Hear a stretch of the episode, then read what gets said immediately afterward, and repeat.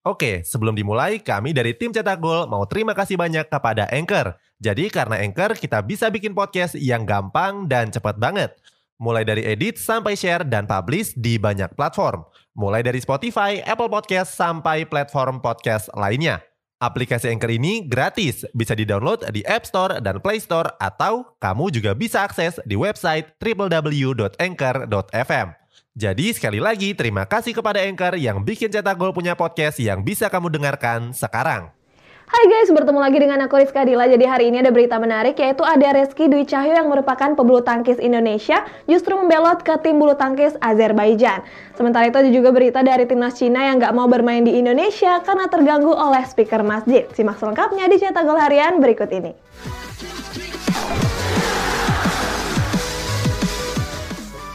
Berita pertama, Manchester United resmi memperkenalkan Jadon Sancho sebagai pemain terbarunya.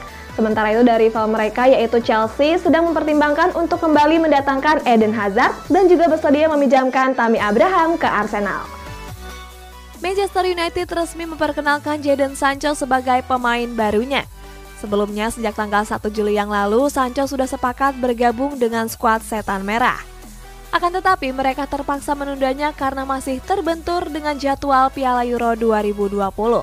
Winger timnas Inggris ini akan menandatangani kontrak sampai tahun 2026 mendatang. Sebelumnya beredar kabar kalau Sancho akan mengenakan nomor punggung 7. Akan tetapi Sancho dipastikan akan merumput dengan nomor punggung 25. Dilansir dari Daily Mail, Chelsea disebut sedang mempertimbangkan untuk memboyong kembali Eden Hazard. Sebelumnya, bomber asal Belgia ini pernah menjadi andalan di lini depan skuad The Blues. Hazard sudah menjalani dua musim yang sulit di Real Madrid. Selama berseragam El Real, Hazard tampil nggak maksimal akibat sering cedera. Media mengatakan kalau Los Blancos nggak keberatan untuk melepas Hazard. Kabarnya El Real memasang harga Hazard sebesar 60 juta euro.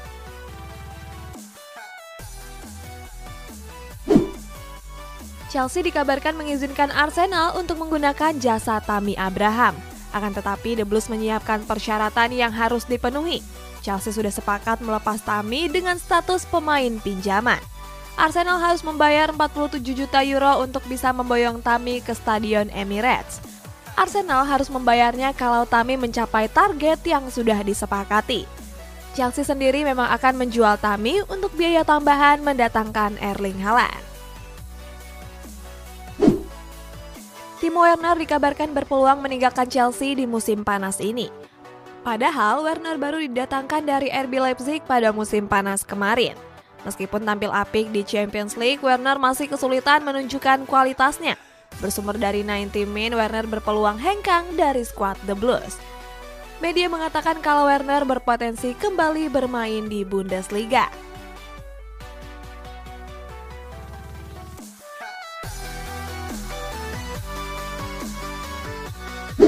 Masih di Inggris, Manchester City coba mempertahankan gelar juara dengan memburu Harry Kane dan Federico Chiesa. Berikutnya ada juga Tottenham Hotspur yang resmi memperpanjang kontrak Sang Hamin dan Arsenal yang mendatangkan kiper Sheffield United.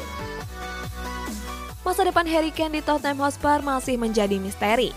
Bintang timnas Inggris ini dirumorkan akan hengkang dari Tottenham Stadium. Banyak klub besar Eropa yang mengantri untuk mendapatkan tanda tangan Kane gak terkecuali Manchester City. Kabarnya Tottenham sudah membuka pembicaraan kepada The Citizens. CEO Tottenham Hotspur Daniel Levy mengisyaratkan akan melepas Ken di musim panas ini. Dan kabarnya Levy mematok harga Ken sebesar 187 juta euro atau sekitar 3 triliun rupiah. Federico Chiesa berhasil tampil apik pada gelaran Piala Euro 2020 kemarin. Hal tersebut membuatnya mendapat banjir tawaran dari berbagai klub jempolan Eropa. Sebelumnya raksasa Premier League Chelsea disebut sudah mengajukan tawaran sebesar 100 juta euro. Tetapi sayang tawaran tersebut ditolak oleh Bianconeri. Setelah Chelsea, kabarnya Manchester City juga berminat untuk memboyong Chiesa ke Stadion Etihad.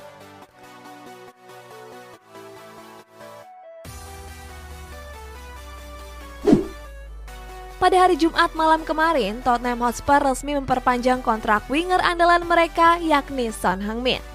Winger asal Korea Selatan ini akan tetap berseragam The Lily White sampai dengan tahun 2025. Son sendiri merasa bahagia karena masih dipercaya membela skuad The Lily White. Selain itu, Son juga merasa terkesan dan ingin terus bermain sebagai tandem Harry Kane. Pada musim kemarin, Son berhasil melesakan 17 gol dan 10 assist.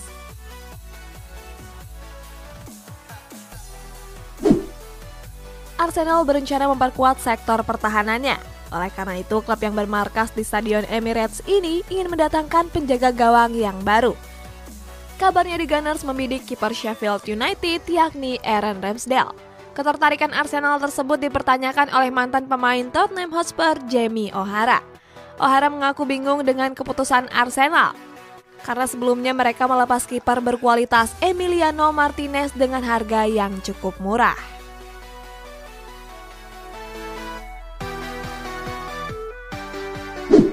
Kita pindah ke sepak bola Italia, ada AS Roma yang segera mendapatkan Granit Saka. Gak cuma itu, Serigala Ibu Kota juga berencana untuk mendatangkan top skor Copa America.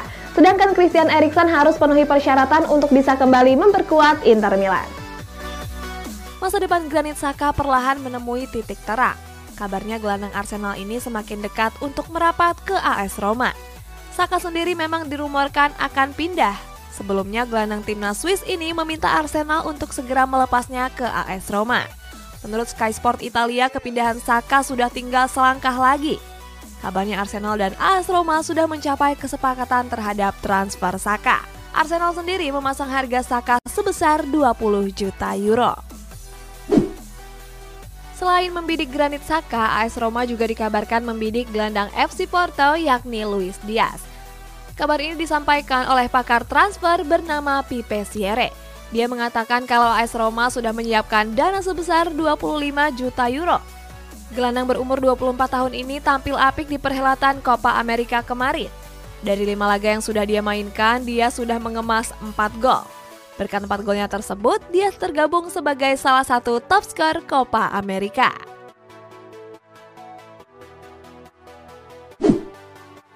Federasi Sepak Bola Italia mengingatkan Christian Eriksen soal masa depannya di Inter Milan. Sebelumnya Eriksen mendapat larangan bermain karena faktor kesehatan. Hal ini juga disampaikan anggota Komite Sains FIGC Francesco Braconaro. Menurut FIGC, Eriksen bisa kembali memperkuat Inter Milan kalau implan defibrilator di tubuhnya dicabut. Italia sendiri memang memperlakukan aturan ketat di bidang kesehatan pemain, Nantinya Erikson akan menjalani tes medis bersama FIGC. Oke, sebelum dilanjut, ada yang penasaran nggak? Gimana caranya bikin dan nyebarin podcast yang kayak gini? Nah, ini karena tim cetak gol pakai Anchor. Mulai dari rekaman, edit suara, tambah lagu, sampai drag and drop bisa kita lakukan sendiri pakai Anchor. Satu aplikasi sudah bisa buat semua kebutuhan podcast. Bisa di-download dari App Store dan Play Store atau bisa juga diakses dari website www.anchor.fm. Terus yang terpenting Anchor ini gratis. Download dan coba sendiri setelah tonton episode ini. Untuk mengantisipasi pengeluaran yang besar, Bayern Munchen berencana untuk melakukan pengelompokan gaji pemain. Selain itu ada juga kabar dari PSG di mana Jorginho Wijnaldum mengajak Paul Pogba untuk bergabung. Selain itu, Parisias juga memperpanjang kontrak sang pelatih Mauricio Pochettino. Di masa pandemi ini, Bayern Munchen mengambil langkah untuk mengurangi pengeluaran dana. Salah satunya dengan melakukan pengelompokan gaji. Mereka akan membagi skala gaji ke dalam empat kelompok. Dilansir dari Bild, Robert Lewandowski masuk kelompok satu yang mendapat maksimal gaji 20 juta euro. Sementara di kelompok 2 ada Joshua Kimmich CS yang punya gaji 10 sampai 15 juta euro. Kemudian kelompok 3 akan mendapat gaji di kisaran 5 sampai dengan 10 juta euro. Terakhir ada kelompok 4 yang mempunyai gaji sebesar 5 juta euro per tahunnya. Masa depan Paul Pogba di Manchester United masih menjadi tanda tanya besar. Sampai saat ini Pogba belum menaikkan perpanjangan kontraknya di Old Trafford. Kontrak Pogba sejatinya akan berakhir di tahun depan. Selain itu, agen Pogba Mino Raiola memberikan sinyal kalau Pogba akan hengkang dari Old Trafford. Oleh sebab itu, gelandang anyar PSG Jorginho Wijnaldum membujuk Pogba untuk bergabung dengan skuad Parisiens. PSG resmi memperpanjang kontrak pelatih mereka Mauricio Pochettino. Pelatih asal Argentina ini akan tetap melatih skuad Parisien sampai dengan tahun 2023. Selain Pochettino, jajaran staf pelatih lainnya juga akan menandatangani kontrak yang sama. Sebelumnya, PSG resmi mendatangkan Pochettino pada bulan Januari yang lalu. Untuk kembali merebut juara di musim depan, PSG berbenah dengan mendatangkan sejumlah pemain bintang. Mulai dari Sergio Ramos, Jorginho Wijnaldum, Akraf Hakimi, dan Gianluigi Donnarumma. Berita selanjutnya, Pedri yang baru berusia 18 tahun sudah menjadi tumpuan bagi Barcelona dan timnas Spanyol. Selain itu ada juga kabar dari Lord Martin Braithwaite yang menerima endorse kalung di Instagram pribadinya. Walaupun masih berumur cukup muda, Pedri sudah menjadi tumpuan Barcelona. Selain itu, Pedri juga selalu menjadi tumpuan timnas Spanyol. Menurut data dari The Guardian, Pedri sudah memainkan 66 pertandingan dalam waktu 322 hari. Di La Liga kemarin, Pedri sudah tampil sebanyak 37 laga. Sebelumnya, Pedri dipanggil oleh pelatih Luis Enrique untuk mengisi skuadnya di Piala Euro. Setelah Piala Euro berakhir, Pedri kembali dipanggil di Olimpiade Tokyo. Pada unggahan Instagram pribadinya, Martin Braithwaite terlihat mengunggah postingan endorse. Bomber timnas Denmark ini mendapatkan endorse kalung emas. Dalam unggahannya tersebut, Brightwell tampil penuh gaya dengan mengenakan kemeja branded. Gak lupa Brightwell menyisipkan nama akun produk kalung yang dia endorse tersebut. Dalam unggahannya, kalung itu merupakan produk dari brand bernama luckymetal.com. Berita terakhir, Indonesia gagal menjadi tuan rumah Piala Asia Wanita yang rencananya akan digelar pada tahun depan. Berikutnya ada juga berita dari Ade Reski Dwi Cahyo yang membelot ke timnas bulu tangkis Azerbaijan. Dan terakhir ada juga kabar dari timnas Cina yang nggak mau main di Indonesia karena terganggu oleh speaker masjid. Federasi Sepak Bola Asia atau biasa disebut AFC resmi membatalkan Piala Asia Wanita U17. Sebelumnya turnamen ini rencananya bakal digelar di Indonesia di tahun 2022 mendatang. Kabar pembatalan ini mendapat komentar dari Komite Exco PSSI Endri Irawan. Dia menghormati keputusan yang diambil oleh AFC tersebut. Andri juga berharap agar pemain tetap bersemangat berlatih untuk memberikan yang terbaik. Adreski Dwi Cahyo merupakan pebulu tangkis Azerbaijan yang lahir dan tumbuh besar di Indonesia. Sebelumnya, Ade mendapat tawaran untuk memperkuat tim bulu tangkis Azerbaijan. Tanpa pikir panjang, Ade langsung menerimanya. Ade sendiri punya alasan kuat untuk membelot ke Azerbaijan. Dia merasa punya peluang lebih besar dalam berkarir di level internasional. Seperti diketahui, Indonesia merupakan negara dengan basis bulu tangkis terkuat di dunia. Gak heran banyak pebulu tangkis handal yang gagal berkarir karena persaingan ketat. Di laga kualifikasi Piala Asia, timnas Cina dikabarkan menolak untuk bermain di Indonesia. Alasannya karena timnas Cina mengalami trauma. Hal ini disampaikan oleh salah satu pemain timnas Cina yakni Zhu Chenji. Selain iklim panas, Zhu Chenji mengeluhkan suara speaker masjid. Nah, sebagai informasi, Cina tergabung di grup G bersama Indonesia, Australia, serta Brunei Darussalam. Pada Jumat malam kemarin, perhelatan Olimpiade Tokyo resmi dibuka.